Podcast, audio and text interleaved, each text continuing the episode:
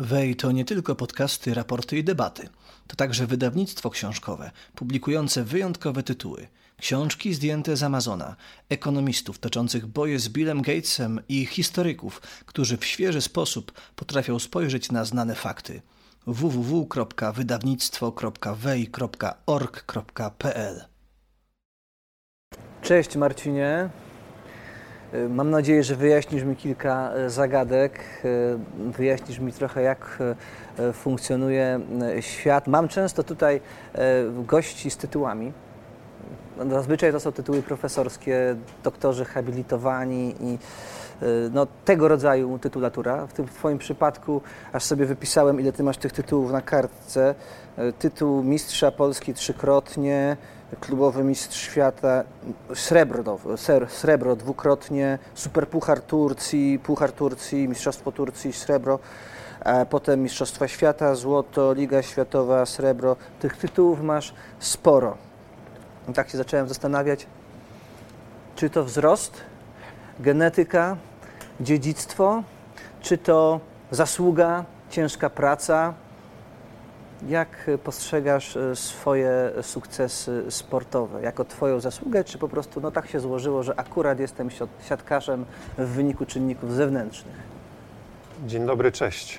E, To może powiem żartobliwie to, co nasz tutaj operator powiedział. Jak się nie, ma talentu, to trzeba dużo sprzętu. Ja może nie miałem talentu, ale byłem bardzo wysoki, więc to mi ułatwiało granie w siatkówkę.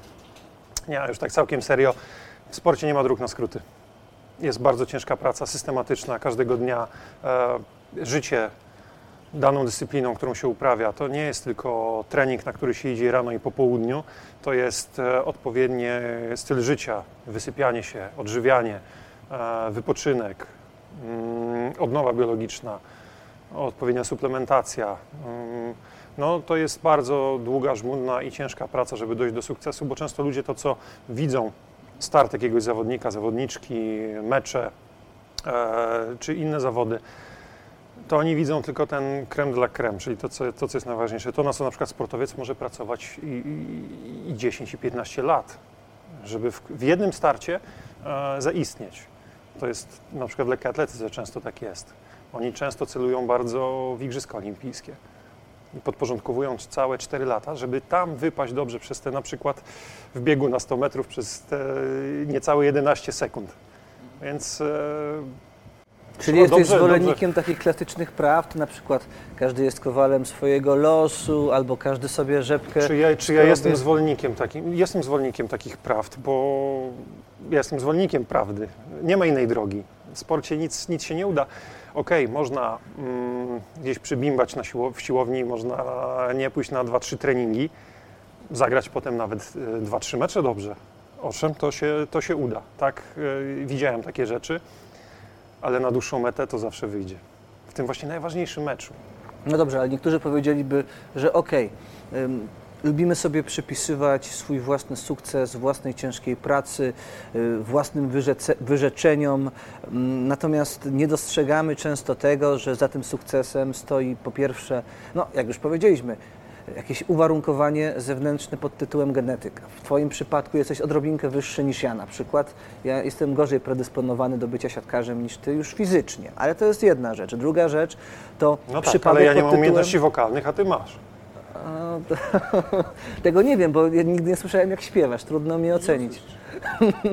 Ale to jest jedna rzecz. Druga rzecz, druga rzecz, ludzie, których spotykamy. Przypadek. Y, Niektórzy sportowcy po prostu spotykają właściwych ludzi, którzy po, po, pokazują im pewne rzeczy, popychają w danym kierunku, ale też czasami finansują ich działania, ich To e, prawda. kształcenie, trening. To prawda, ale myślę, że wybitne jednostki, te, które mają coś osiągnąć, tak to osiągną. Jeżeli nie z tym sponsorem, nie z tym trenerem, to z następnym, bo, bo te diamenty prędzej czy później zostaną oszlifowane. Czas je oszlifuje i, i, i odniosą sukces. Jesteśmy kowalem własnego losu, zwłaszcza jeżeli chodzi o sportowców. Okej, e, jest bardzo dużo czynników zewnętrznych, trzeba mieć uwarunkowania do pewnych dyscyplin, dlatego no, za młodu szuka się. Ja grałem w piłkę ręczną, grałem w koszykówkę, próbowałem swoich sił w piłce nożnej. Siatkówka wyszła, wyszła mi najlepiej. Więc to też nie jest tak, że od razu pomyślałem, będę siatkarzem i będę, wszystko wygrywał. Nie, e, wręcz przeciwnie. Nawet nie marzyłem o tym, że mogę stawać na podiach. A jak wygląda w Polsce mm, łowienie talentów siatkarskich? Jak wygląda ten początek takiego gracza ligowego na przykład? Od czego się zaczyna? Bo w przypadku piłki nożnej to wszyscy wiemy, no, gramy razem na boiskach, w podstawówce, potem w liceum, po drodze gdzieś coś tam w jakimś klubie, w młodzikach i tak to się, e, tak to się Muszę, toczy. muszę powiedzieć, że Polski Związek Piłki Siatkowej całkiem nieźle sobie to wykombinował i on cały czas rozwija ten system, bo e, zbudowali już, to już będzie chyba z kilkanaście lat temu, e, siatkarskie ośrodki szkolne. Ich jest mnóstwo po całym kraju rozsiane. Są klasy dla dziewczynek, d- dla chłopców. Ta piramida na dole jest bardzo duża, ona się potem zawęża. Dzięki temu mamy kapitalne reprezentantki i reprezentantów kraju już na samej górze. To jest to. A jeżeli o mnie chodzi, no ja zaczynałem trochę wcześniej, zanim te ośrodki powstały, ale już była szkoła mistrzostwa sportowego, która jest w Spale, tam gdzie znajduje się Centralny Ośrodek e, Szkoleń, Ośrodek Przygotowań Olimpijskich. I ja tam poszedłem do liceum, zostałem wyłapany na Mistrzostwach Polskich Młodzików, no bo w ósmej klasie ja już miałem dwa metry wzrostu, więc nie umiałem praktycznie nic, bo ja zaczynałem w ósmej klasie dopiero grę w siatkówkę, więc tak naprawdę wzięli taki nieociosany klocek drewna i, i, i tam ulepili ze mnie siatkarza, wyrzeźbili. I przez 4 lata ja dzięki tak naprawdę no, centralnemu szkoleniu pomocy bądź co bądź państwa e, przez 4 lata w dużym e, skrócie mój plan dnia wyglądał tak, że wstawałem rano, dwie, trzy lekcje, trening, obiad, dwie, trzy lekcje, trening, kolacja. O 20 trzeba było zrobić jakieś zadanie domowe albo nie. I tak codziennie, piątek, świątek, sobota robiliśmy. Zdarzały się nawet lekcje e, soboty, gdzie mieliśmy pięć matematyk z rzędu, pięć fizyk z rzędu, bo trzeba było coś nadrobić, bo, bo, bo za dwa miesiące nas nie będzie, przez tydzień pojedziemy na turniej, bo jedziemy na jakiś mecz ligowy. I, I tak żyłem przez 4 lata, codziennie pracując. No widzisz, ja z, generalnie też zgadzam się, że wszyscy jesteśmy kowalami swojego losu, ale właśnie chciałem Cię wziąć trochę pod e, włos i wcielić się w takiego adwokata diabła albo w jakiegoś takiego lewicowego komentatora, który powiedziałby, no sam Pan mówi, sam Pan mówi, że właśnie Pana ktoś wynalazł, wyciągnął e, w ramach jakiegoś centralnie skonstruowanego, schematu szkoleniowego. Pana zaczął wdrażać, uczyć, ulepił z Pana siatkarza, jak Pan to ujął, z klocka drewna. Ale ja musiałem chcieć, to ja musiałem pójść na te treningi w e, moim rodzinnym Olsztynie, do, do olsztyńskiego AZS-u, musiałem tam się zapisać, musiałem się czymś wykazać, żeby móc pojechać na Mistrzostwa Polski Młodzików. I stamtąd już, to, to już jest jakby kolejny etap, więc ta teza się trochę nie sprawdza do tego, co było, bo gdybym e, nigdy nie miał do czynienia z siatkówką i ktoś miał po prostu powiedzieć, o ej ty, ty masz dwa metry, chodź, będziesz grał w siatkówkę, po części mógłbym się zgodzić. Ale swoją drogą to też jest ciekawy wątek. Ta obecność państwa w różnych dziedzinach sportu. E, Przypomina mi się zawsze Anita Włodarczyk, bo to chyba o Anitę Włodarczyk chodziło, która e, trenowała na jakichś takich walących się e, boiskach, stadionach, w którą nikt nie inwestował. Nie było żadnego wielkiego związku, który by ją wspierał, a mimo wszystko tyle osiągnęła, prawda? Sportowcy, tenisiści, tak? Też zazwyczaj mm, nie trenują w ramach jakichś właśnie centralnych, wielkich schematów i wsparcia państwa, tylko rodzice w nich bardzo często spore pieniądze inwestują, gdy widzą, że to są, to są talenty. Jakby e, to jest jedna strona tego równania. Druga to są właśnie takie dyscypliny sportowe pod tytułem piłka nożna, gdzie to państwo jest cały czas obecne na poziomie samorządowym, w, finansuje na przykład budowę jakichś e, e, stadionów chociażby, prawda? Ułatwia, buduje tą infrastrukturę. Orliki, wielki propagandowy tam e, motyw polityczny sprzed iluś tam lat. Tutaj takich sukcesów nie ma i tak się zastanawiam, takich wymiernych sukcesów na arenie międzynarodowej nie ma i tak się zastanawiam, jak skuteczne jest to państwo we wspieraniu polskich sportowców. Czy państwo może być skuteczne do pewnego momentu, a już po przekroczeniu pewnej granicy państwo tak naprawdę niewiele może, bo już państwo nie może, nie robi tego i, i nie powinno wchodzić już w merytorykę. To, co powinno się robić, jak się powinno szkolić, kogo się powinno szkolić, to, to już są zadania dla polskich związków e, sportowych. Państwo to, co może robić, to właśnie budować infrastrukturę, e, dotować różne rzeczy, zwłaszcza sport e, tych najmłodszych, młodzieży. No bez tego, jeżeli państwo by tego nie robiło, bo robią, robi to praktycznie większość państw na świecie, e, to sport by leżał. O ile siedzimy tutaj w świetlicy wolności, idee wolnościowe są mi bardzo bliskie i to może przeczyć tym właśnie ideom, ale tutaj państwo musi pomóc. Jeżeli by nie pomagało, to polski sport by naprawdę leżał.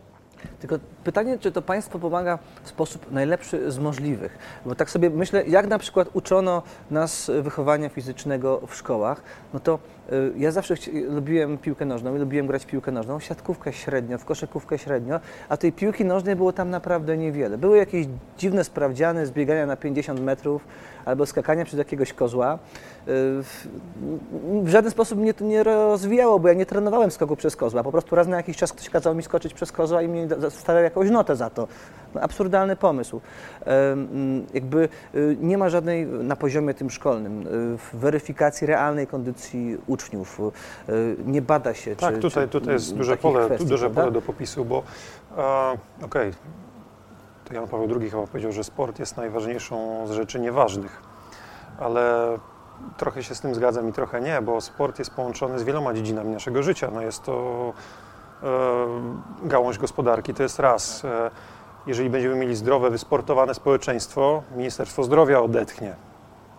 Na to się rzadko bardzo zwraca uwagę, zupełnie nie wiem, e, nie, nie wiem dlaczego. Przecież to jest wszystko skorelowane. Mm. No to Ci przerwę, przerwę, bo to jest ciekawy wątek, który też chciałem poruszyć, i tylko dopiero później. Natomiast skoro to już naturalnie się pojawia, to zapytam o to teraz. Mamy pandemię, dwa lata pandemii i wiemy na przykład, e, że oprócz dystansowania, maseczek, szczepień, na przetrwanie ataku koronawirusa pomaga właśnie sport, aktywność fizyczna i zdrowie. Czy Ty zauważyłeś, żeby e, była jakaś wielka kampania pod tytułem Dbajcie o kondycję, uprawiajcie sport. Wielkiej, wielkiej kampanii nie zauważyłem. A to, co robią sportowcy, byli sportowcy tacy jak ja, przez chociażby moją fundację, Fundację Marcina Możdżonka, którą założyłem, próbujemy aktywizować społeczeństwo i tych młodszych, i tych starszych, bo jest dramat. Jeżeli chodzi o sprawność fizyczną naszych najmłodszych, o sprawność fizyczną dorosłych, uogólniając, jest bardzo źle już nie pamiętam statystyk, ale ile przez pandemię, przez te dwa lata statystyczny Polak przytył? Kilka kilogramów. To są zatrważające dane. My naprawdę będziemy się wygrzebywać z tego przez całe pokolenie. Ja właśnie obawiam się, że te długofalowe efekty pandemii mogą być bardzo silne. Ja próbuję gdzieś tam chodzić na siłownię w miarę regularnie i od iluś tam lat i widzę, e, że naprawdę ubyło osób ćwiczących e, i to tak zauważalnie ubyło. A czytałem jakieś badania, które y, mówią, że jak człowiek przestaje się ruszać, przestaje uprawiać sport, to organizm natychmiast się dostosowuje do tego nowego stanu, tego złego stanu równowagi, czyli właśnie tyje, organy wewnętrzne obrastają tłuszczem, te wszystkie schorzenia miażdżycowe natychmiast się pojawiają, a powrót do zdrowia już nie jest taki, nie jest taki prosty, także faktycznie to może być Nie jest prosty i właśnie teraz to przeżywam, bo ubiegły rok e, byłem mocno na bakier z aktywnością fizyczną, co się odbiło na mojej wadze może nie aż tak bardzo, bo kilka kilogramów w moim przypadku nie, nie robi większego wrażenia na, na organizmie, ale zacząłem się z tym dobrze czuć fizycznie, co bardzo źle wpływało na moją psychikę, bo mówię, coś tu jest nie tak. E, się za bardzo przyzwyczaiłem do tej braku aktywności i teraz od stycznia, e, jak to mówią, nowy rok, nowy ja.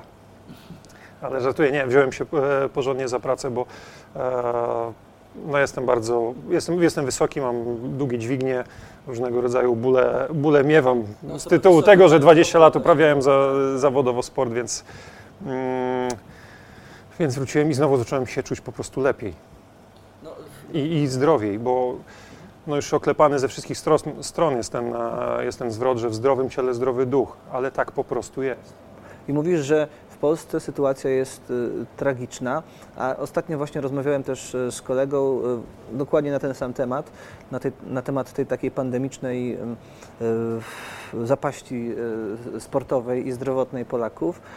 Mówi, że że mentalność u nas jest inna niż na przykład w krajach takich jak, jak Szwecja, gdzie pójście do klubu fitness nie jest jakimś wyjątkowym wyczynem, tylko jest po prostu elementem takiej codziennej rutyny i nie tylko jeśli chodzi o ludzi młodych, ale też jeśli chodzi o ludzi starszych, o seniorów, to jest po prostu element zdrowego życia, który w cudzysłowie jest przepisywany przez, przez lekarzy. U nas mam wrażenie dominuje taka e, taka filozofia pod tytułem, że jak mi się coś złego dzieje, to pomoże mi tabletka. No, jesteśmy, jeżeli chodzi o kraje skandynawskie, w tej sferze do nich zapóźnieni o kilkanaście, jak nie kilkadziesiąt lat, to się, ale to się u nas zmienia. Widzę z roku na rok, że coraz więcej ludzi chodzi do klubów fitness. To już nie jest coś um, tylko dla tych wysportowanych, tylko to jest tak naprawdę dla każdego. Jeżeli my sami nie zadbamy o swoje zdrowie w ten najprostszy sposób, w jaki możemy, czyli odżywiać się jak najlepiej to tylko możliwe i uprawiać jak najwięcej ruchu to tylko możliwe, bo nie każdy ma takie same możliwości, to też trzeba sobie powiedzieć. I tutaj właśnie by się przydały różnego rodzaju kampanie, czy kampanie instruktażowe jakieś nawet, jak robić, żeby uszyć odpowiednią, odpowiedni pakiet e, taki żywieniowo-sportowy dla każdego, dla każdego z nas, bo każdy z nas jest inny, ma inne potrzeby, inaczej reaguje na ćwiczenia, na, na dietę i tak dalej. To, to, to są tematy już bardzo No, skomplikowane. ale w tej pandemii tendencja polityczna była odwrotna. Obiekty sportowe raczej zamykano, ograniczano ich działanie. Decyzja zupełnie Prawda? e, z mojego punktu widzenia niezrozumiała i, e, i bardzo szkodliwa. No ale tak było. Nie mieliśmy na to, ja nie miałem na to żadnego wpływu, mało z nas kto miał na to wpływ. Trzeba po prostu się temu przeciwstawiać i, i chodzić. No, no, decyzja o zamknięciu lasów była kuriozalna. No, gdzie to najlepszy moment, żeby chociaż przespacerować się, pół godziny dziennie spaceru po lesie, to też jest aktywność fizyczna. To, I to właśnie mnie na przykład uderza w, tej, w tym państwowym zaangażowaniu w sport i w aktywność fizyczną obywateli, że ono jest takie wybiórcze i tak naprawdę dyktowane czynnikami bardzo często politycznymi, a nie e, merytorycznymi. E, Ta infrastruktura właśnie dla najmłodszych, ona mam takie wrażenie kuleje i e, tutaj akurat jest jakiś wyjątkowo dobrze działający związek mm, sportowy w przypadku siatkówki, ale w przypadku innych sportów to mam obawy, że jest odrobinkę gorzej. To jest. Też bym nie. zwa- Okej, państwo też może ingerować w te rzeczy w jakimś stopniu, ale na wszystko nie ma wpływu. Nam ogólnie, tak jak rozmawiamy ze środowiskiem sportowym, brakuje wykwalifikowanej kadry zarządzającej sportem. To się dopiero rodzi, powstają kierunki studiów, e, czy tu w Warszawie, w Gdańsku, czy, czy, czy w Katowicach. Profesjonalny menedżer sportu, takich ludzi, ludzi brakuje. Ludzi, którzy potrafią marketingowo dobrze sport, dany klub, dany związek ograć. To, to, to tak naprawdę u nas teraz powstaje i ja z optymizmem patrzę w przyszłość. Bo jeżeli będziemy mieli coraz więcej takich osób, to, to się zacznie po prostu poprawiać.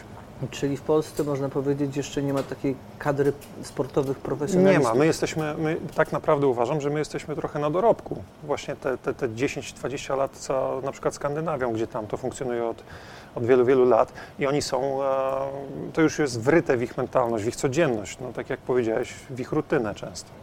No tak, ale to y, w Polsce y, też może nie ma takiej świadomości, że sport to jest biznes i powinien być biznesem i y, profesjonaliści nie się ma, ale pojawią jest jak... już coraz większa taka świadomość. Już działalność czy CSR-owa, czy stricte sponsoringowa wielu, wielu firm już jest, już jest duża i ich świadomość jest coraz większa. Mhm. Ty, ty skończyłeś już karierę sportową aktywną. Nie masz zamiaru wrócić do żadnego rodzaju sportu, czy E, porwałem się trochę chyba z motyką na słońce, bo e, mój kolega, który jest trenerem trzeciej ligi w Olsztynie, trzeciej ligi siatkówki, e, chce awansować do drugiej, poprosił mnie, żebym pomógł, więc e, też przychodzę, trenuję z nimi i mam nadzieję, że uda mi się, jeżeli dojdę do siebie fizycznie, tam w marcu, w marcu, kwietniu dołączyć do nich do fazy playoff i, i pomóc im awansować. trenujesz jako zawodnik? Nie, Jako to- zawodnik. Nie, że z nimi, że ich trenujesz. Nie, nie, nie, Okej, jako zawodnik. okej, nie, jako oni mają zawodnik. trenera i oni się mają Okej. go słuchać. Ja też się go mam słuchać, że nawet jest młodszy ode mnie, Czyli ale coś jeszcze w tej siatkówce działasz, y, na innym poziomie co prawda. na innym poziomie, na spokojnie, tak bardziej Mhm. pomóc e, tym młodszym kolegom. No, ale działasz też właśnie y, y, w biznesie, prawda? Z czegoś trzeba żyć. No właśnie, no z czegoś trzeba żyć. A To nie jest takie dla Polaków oczywiste, że jak z czegoś trzeba żyć, to zakładamy firmę. I to, jest dla mnie ciekawe, no bo jednak Twoja kariera trwała dosyć długo, ta taka kariera zawodowca, pewnie z 15 więcej? No 15 naliczyłem, lat? że 20 lat. 20, no to to jest bardzo długa kariera, tak? Y, Te mechanizmy sportowe mimo wszystko są mm, oparte na pewnej merytokracji, to znaczy jak się ma osiągnięcia, to się awansuje, jak się ich nie ma, to się spada. I na początku się ciężko pracuje e- przez pierwsze 4 lata i, i nie ma się z tego nic, Ciężko tylko się dokłada. Tak, z- zgadza się. Jak każdy chyba właśnie w biznesie, w firmie. Najpierw inwestuje, ciężko pracuje, nie mając gwarancji tak naprawdę. Ale rzadko jest tak, żeby po drodze, jak się właśnie awansuje w tych, po tych szczebelkach danej ligi mm, e, w sporcie, pojawiał się urzędnik i mówił: O ty, jesteś za wysoko, musisz tutaj y, uiścić jakąś dodatkową daninę ze względu na swoje wybitne osiągnięcia. Tak się nie dzieje.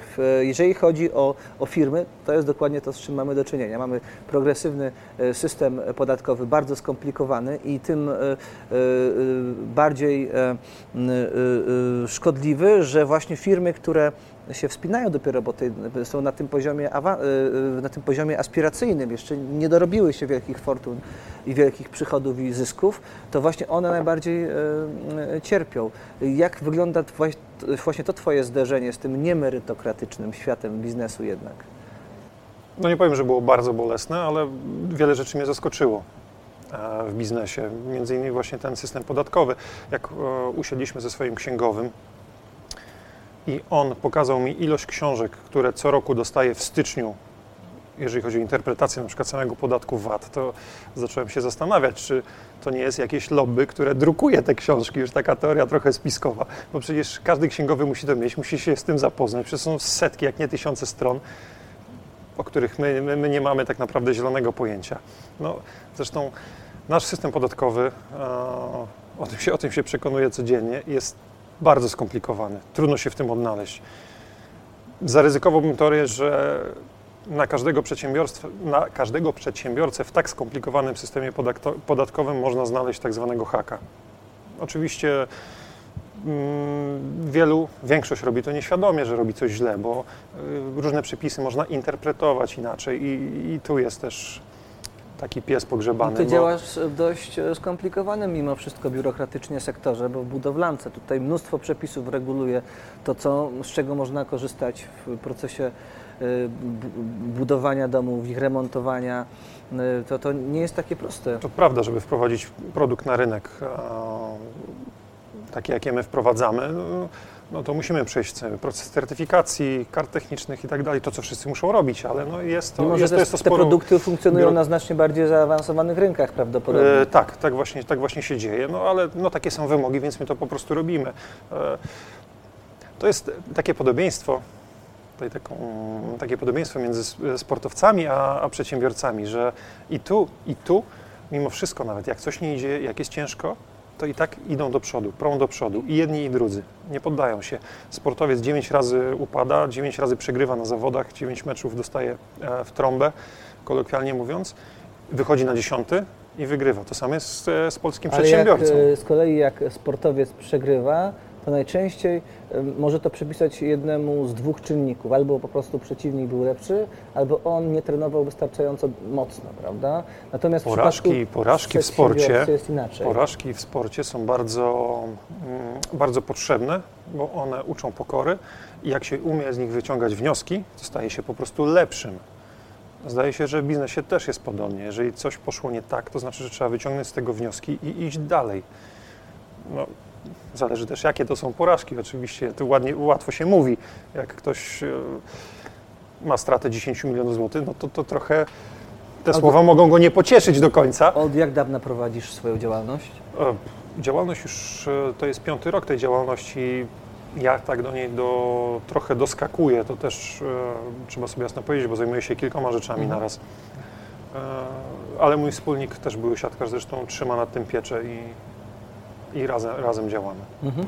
Ja zauważyłem, że masz takie silne zacięcie komentatorskie po Twoim Twitterze y, i obserwuję rzeczywistość wokół siebie. No i dlatego zacząłem od y, tego na początku wątku e, osiągnięć i komu przypisać zasługę, czy osobie, która te osiągnięcia ma, czy może otoczeniu, jakimś zewnętrznym uwarunkowaniom, bo chciałem e, zapytać, jak się czujesz e, w Polsce Nowego Ładu, Polskiego Ładu, e, w której to chyba właśnie osiągnięcia nie są najmilej widziane, bo trzeba za nie więcej płacić państwu. Trzeba więcej płacić na dobrą sprawę. Mm, Ja oczywiście dostałem raporty od jednego księgowego, z drugiego biura księgowego, jak to może wyglądać, jak to będzie wyglądało. Tak naprawdę zobaczymy na koniec roku, co, co z tego nam przyjdzie. Na pewno zapłacimy więcej jako przedsiębiorcy, jako nasza firma. To, to jest bardziej niż pewne. Musimy się nauczyć z tym żyć. No, nie jesteśmy z tego zadowoleni. Ale my nie mamy na to żadnego wpływu. No, ale znów się uruchamia we mnie lewicowy krytyk, którym nie jestem, ale w którego lubię się czasami wcielać. I powiem tak, no cóż, no nie będzie kolejnego Maserati. No ale poza tym wszystko będzie normalnie. Okej, ja jestem gotowy, podatki trzeba płacić. Koniec i kropka. Składkę zdrowotną, też podatek, to też trzeba płacić. To bez dwóch zdań.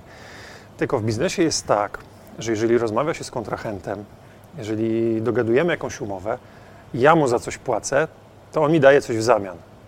Jeżeli on mi płaci, to ja mu daję coś w zamian. A jeżeli ja tutaj płacę, ja mogę zapłacić tą składkę zdrowotną wyższą, ale chciałbym się umówić do tego lekarza, a nie stukać dwa razy w rynnę, raz w parapet. Żeby dostać się do, do, do internisty czy do kogokolwiek, no to nie ma tutaj tej takiej właśnie Nie biznesowej za co e, płacimy, zależności. prawda? Nie wiadomo za co płacimy. Bo okej, e, no trudno się dostać w obecnych czasach do lekarza. Zwłaszcza w tych pandemicznych. Jest e, z tym mega problem. Między innymi przez to skończyłem karierę szybciej. Bo jeszcze tuż przed pandemią nabawiłem się kontuzji. E, Długo z nią walczyliśmy, próbowaliśmy to rehabilitować, ale okazało się, że i tak trzeba nogę zoperować, tam wszystko ponaprawiać, tak żeby było dobrze. O trzy miesiące przesunięty zabieg, bo nie wykonujemy planowanych operacji. Trzy miesiące w sporcie, Względem leżenia tak na kanapie, gdzie nie mogę nic robić, bo, bo, bo noga odcina wszystko. Mogę robić ćwiczenia nogą, ale tak naprawdę nie mogę nic robić więcej. To jest na, na zawodowym poziomie to jest przepaść. I już Ja biorąc pod uwagę mój historię wiek. trochę, y, no nie wiem czy poważniejszą, y, ale y, nowotworową. Y, Moja znajoma była zdiagnozowana w środku pierwszego lockdownu z y, nowotworem i lekarz, który ją prowadził, stwierdził, że no to trzeba operować w ciągu trzech miesięcy, żeby było na spokojnie i żeby się nie stresować, bo to jest do po- pokonamy to, tylko ta operacja musi być o właściwym czasie przeprowadzona. NFZ 2023 najwcześniej zrobiła to prywatnie i- i wszystko jest ok, ale no, masz rację, no nie Więc, ma, e, e, nie, ma, to w ogóle nie to- wiemy to- to za co płacimy, prawda? Trudno, trudno to porównać, bo ona miała poważniejszy problem. To była kwestia pewnie być albo nie być na tym US Padole, a ja być w sporcie albo po prostu już przeskoczyć na biznes. E, Mniejszej wagi decyzja, ale też z mojego punktu widzenia w tamtym czasie też bardzo ważna. Że się własną Tak. miarą trudno, ale, ale właśnie no, to jest słuszna uwaga, że, że możemy podnosić na przykład te daniny na, na, na zdrowie, tylko musimy wiedzieć, co za to dostajemy. Pytanie, czy, czy tutaj też potrzeba nam aż tyle tego państwa? No, w, w, też wydaje mi się, że jest go odrobinkę za dużo, jak jest e, Twoje wrażenie. Jeździsz, pytam Cię nie dlatego, że Ale, jesteś ale w zbyt- czym jest zbyt E, wiele w, państwa?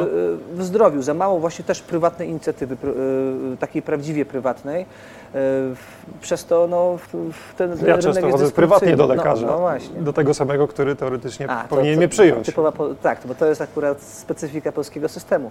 Ale pytam Cię o to nie dlatego, że jesteś e, jakimś specjalistą od zdrowia, bo, bo nie jesteś raczej specjalistą od, od, od piłki, od biznesu w tym momencie. Natomiast no, jeździłeś po całym świecie, miałeś e, styczność e, z różnymi systemami zdrowotnymi, bo pewnie takie czy inne kontuzje trzeba było leczyć też na, na całym świecie. Jak byłeś w Turcji, no to w Turcji miałeś styczność. Jakby masz pewne porównanie i widzisz, jak to, e, jak to wygląda. Jak, Ja, ja mam pewne właśnie. porównanie, tutaj też nie będę, moja rodzina, jakby rodzina mojej żony bardziej jest związana z medycyną, ale już nie będę mówił w jakim aspekcie, no ale, ale w, e, wie, co nieco przekazali mi, pokazali mi jak to działa, jak wygląda zarządzanie szpitalami i e, jak w ogóle wygląda zawód lekarza. E, to tak naprawdę polskiej medycynie, polskiej służbie zdrowia przede wszystkim brakuje rąk do pracy. Tu jest duży problem. No bo I, za mało się im świetnie, płaci. świetnie trzeba ich po prostu mieć więcej i dobrze ich opłacać. Tylko, że to jest ten To problem. jest problem. E, Ale to jest problem, który wydaje mi się e, jest problemem trochę szerszym niż Ja- tylko kwestia Ja bym, zabudżetowania był, ja, bym był, ja, bym był, ja bym był za tym, żeby Bo- w pewnym sensie uwolnić właśnie rynek medyczny w pewnym stopniu. Mhm.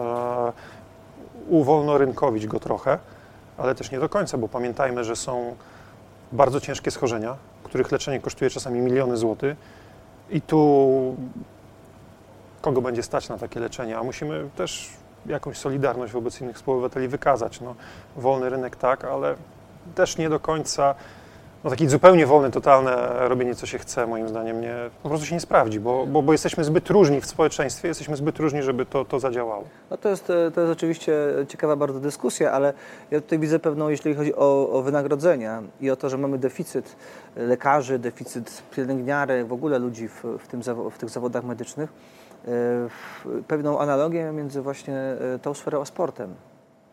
bo w sporcie też mamy w pewnym sensie deficyt dobrych piłkarzy, dobrych, y, nie wiem, siatkarzy w polskich klubach y, i w każdym innym sporcie deficyt jakiejś tam liczby profesjonalistów. Nie dlatego, że ich nie ma, tylko dlatego, że właśnie co robią? Emigrują. Robert Lewandowski gra y, u naszych zachodnich sąsiadów. On jest Polakiem, ale wyjechał, bo tam mu właśnie lepiej płacą. Być może no, nasza służba zdrowia też jest skazana na to, że zawsze gdzieś lepiej będą płacić niż, niż w Polsce, przynajmniej dopóki się Polska jako kraj, jako gospodarka nie wzbogaci. Więc to mm, mm, pytanie, czy da się to, tym wysterować. W sporcie się nie dało. W sporcie wszyscy najlepsi sportowcy y, y, wyjeżdżali łącznie z tobą. Tak, ale ta, ta, analogia to bardziej byłaby chyba do, do tego, jak na przykład Polski Związek Piłki Siatkowej poradził sobie z e, szkoleniem. Tą piramidę, jak już wspominałem wcześniej, zbudował o bardzo szerokiej podstawie, czyli szkolimy w kilku miastach w województwie, mamy te siatkarskie ośrodki szkolne, wyłapujemy tam ludzi i wtedy mamy, mamy tą górę ok. Tu też się właśnie kłania, to jest zawsze system naczyń ze sobą połączonych, powiązanych. Uniwersytety medyczne. Tutaj trzeba, pewnie by było, rozszerzyć ich e, działalność, je bardziej dofinansować, tak żeby one skoczyły na poziom, kilka poziomów wyżej, jeżeli chodzi o nauczanie. Jakoś to skorelować e, potem. Być może to taka luźna myśl teraz przyszła mi do głowy. E, skoro student studiuje tam 5, 6 czy 7 lat, zależy jaki kierunek i tak dalej, to potem niech może to odda, bo studia u nas są za darmo. Niech popracuje ten okres, co na przykład studiował, Polsce, a potem niech robi co chce, bo też nie możemy. Ale, Jego rodzice ale płacą jest... za te studia, można powiedzieć, prawda? W podatkach. No, Zresztą on też, jeżeli pracuje, dorabia sobie. Często tak bywa. No tak, ale to jest, mhm. E, ale dostaje jakby od państwa te pieniądze. Jejku, ja brzmię jak faktycznie jakiś lewicowy działacz teraz. A? Dostaje od państwa tę e, możliwość studiowania i, i potem to oddaje. Adriana Zandberga, każdy ma takiego małego Adriana Zandberga sobie. Każdy chyba ma, tak. E, no ja też Ktoś może powiedzieć, ja też wszystko dostałem od państwa, bo, bo ono mnie utrzymywało. Ja siedziałem w tej szkole mistrzostwa sportowego, tam wyrosłem na siatkarza, potem już a, to wszystko poszło, a, jak wszyscy wiemy. Ale ja w pewnym sensie też właśnie założyłem po to fundację, żeby w jakiś sposób to oddać. To, to nie chodzi o to, żeby jeden do jednego oddać co, co do złotówki, tylko żeby też przekazać wiedzę, którą zdobyłem i tak dalej. Właśnie, Jeżeli zachęcę kilkoro y, młodych ludzi, dziewczynek, chłopców do uprawiania sportu, do ruszania się, no to już będzie w pewnym no sensie sukces. kilka słów, co ta Twoja fundacja konkretnie robi. Co moja fundacja konkretnie robi? Zajmuje się sportem, przede wszystkim e, szerzeniem aktywności fizycznej. A oczywiście poprzez siatkówkę, czyli to, na czym się, się znam najlepiej.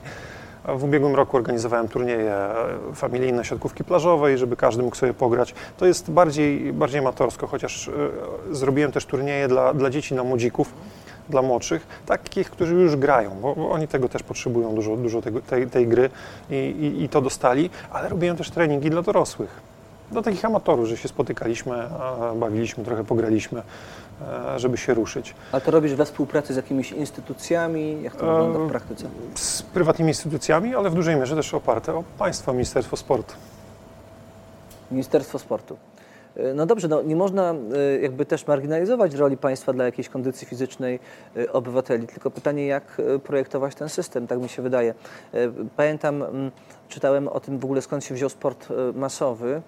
To niezwykle ciekawa historia, jak ten kapitalizm przyspieszył i zapewnił dobrobyt masom i dostęp do taniej żywności i do rozrywek pod tytułem na przykład używki, prawda? A te masy jednocześnie musiały dużo pracować, więc nie było tak naprawdę kiedy w XIX wieku uprawiać sportu.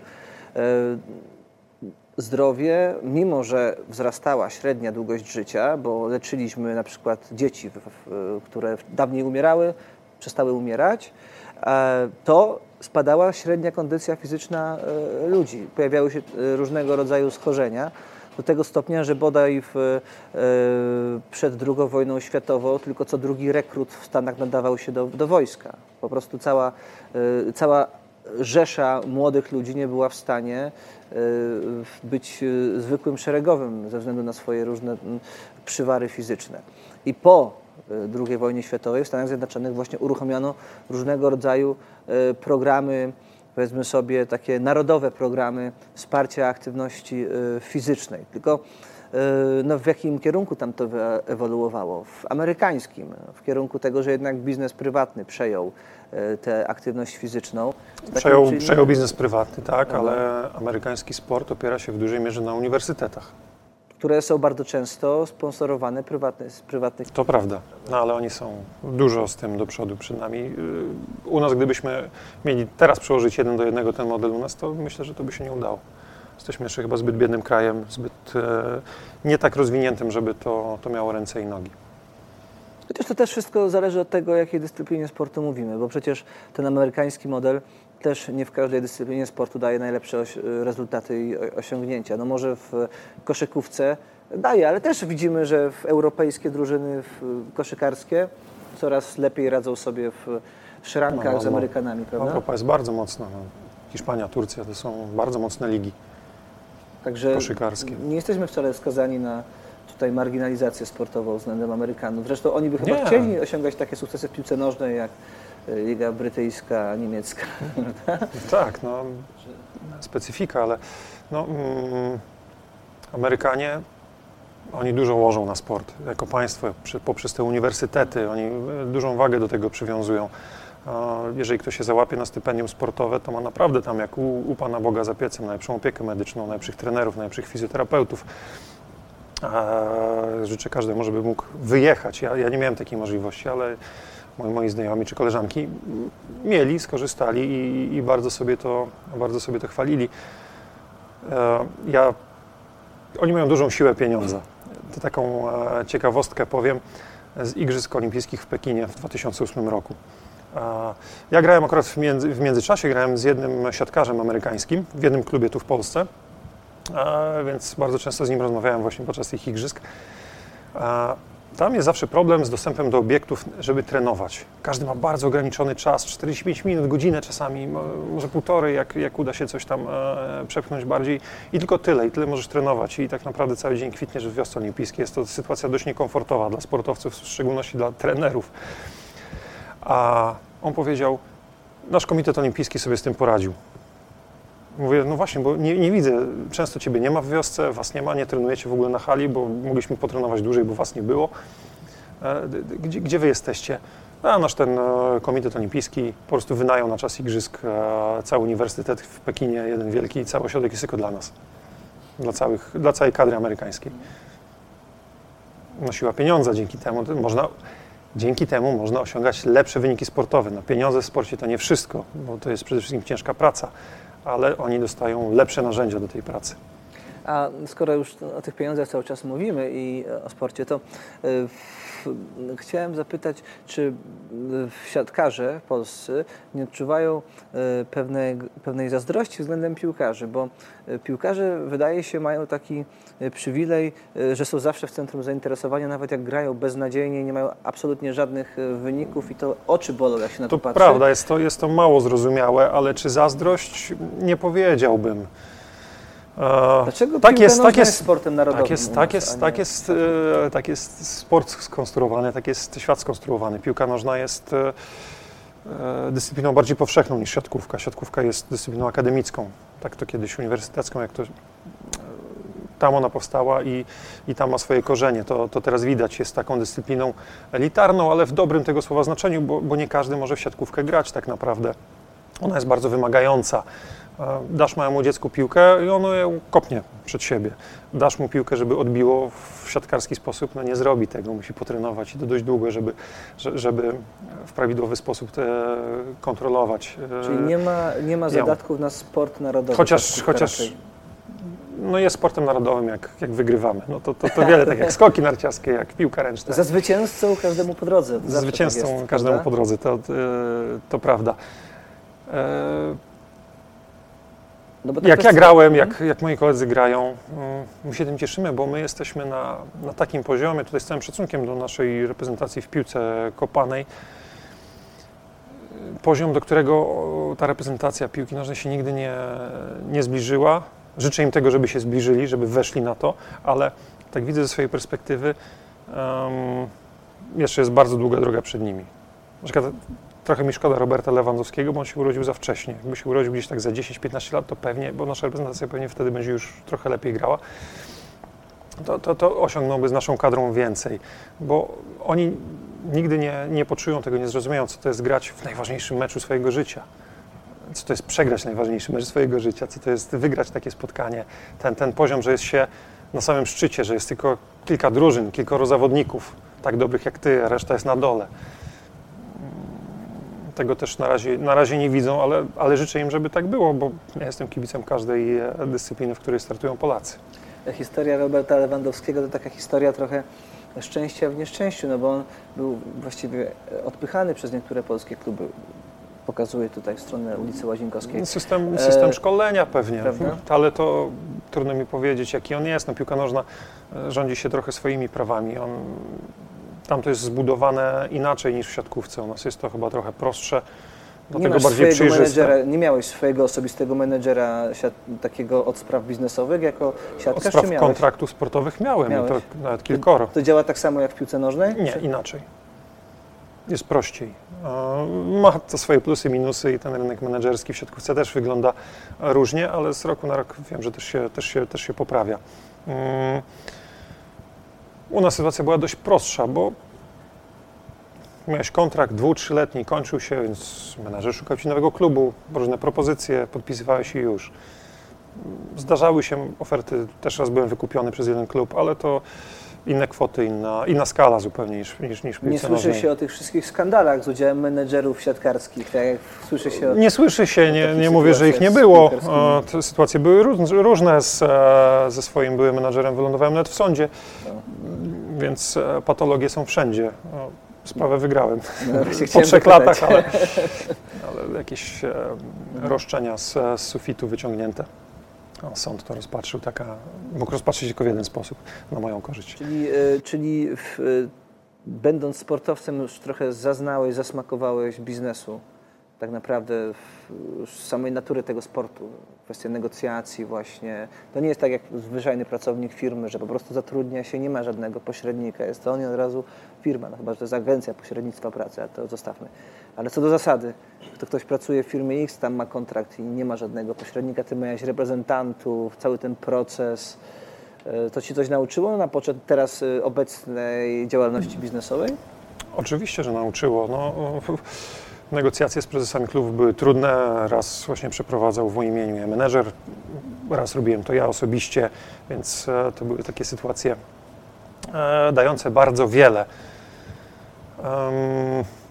Też taka anegdotyczna sytuacja, gdzie zmieniałem klub. E, Z Bełchatowa przechodziłem do Zaksy Kędzierzyn-Koźle.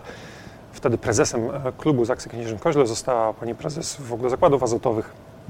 E, czy ona była wtedy wiceprezesem równolegle zakładów azotowych, bardzo wysokie stanowisko zajmowała. I to były najkrótsze negocjacje, jakie tu jest oferta. Uzgodniliśmy jakąś taką kwotę, ona mówi, na tą kwotę mogę się zgodzić. Przepraszam, mówi Pani Marcinie, ja tu nie będę z Panem e, negocjowała takich kwot. Ja jeżdżę czasami do Turcji czy gdzieś na Ukrainę, ja tam negocjuję po, po, po 100, po 200 milionów. Proszę, proszę mi wierzyć, że nie będziemy tutaj się bawić w kotka i myszkę, więc e, zbiła mnie nagle z takiego, ona była dużo niższa, ja stałem się dużo niższy od niej.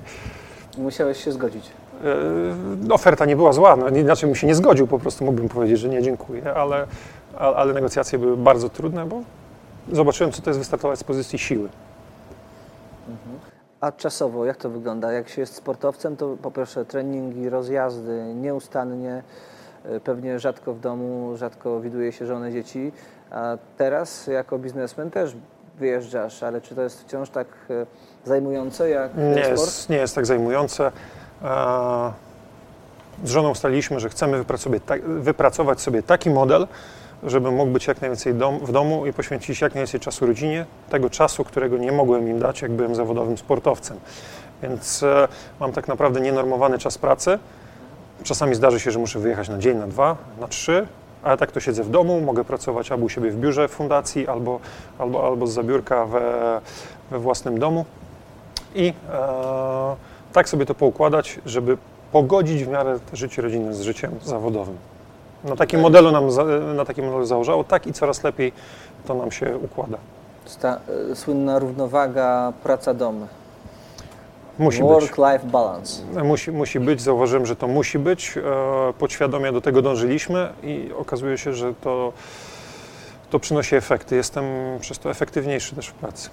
No teraz trochę więcej czasu będzie zajmować rozliczenia, rozliczenie podatków, ale może nie aż tyle, żeby ten work-life balance naruszyć. Tego Ci życzę. Dzięki wielkie za rozmowę. Dziękuję bardzo.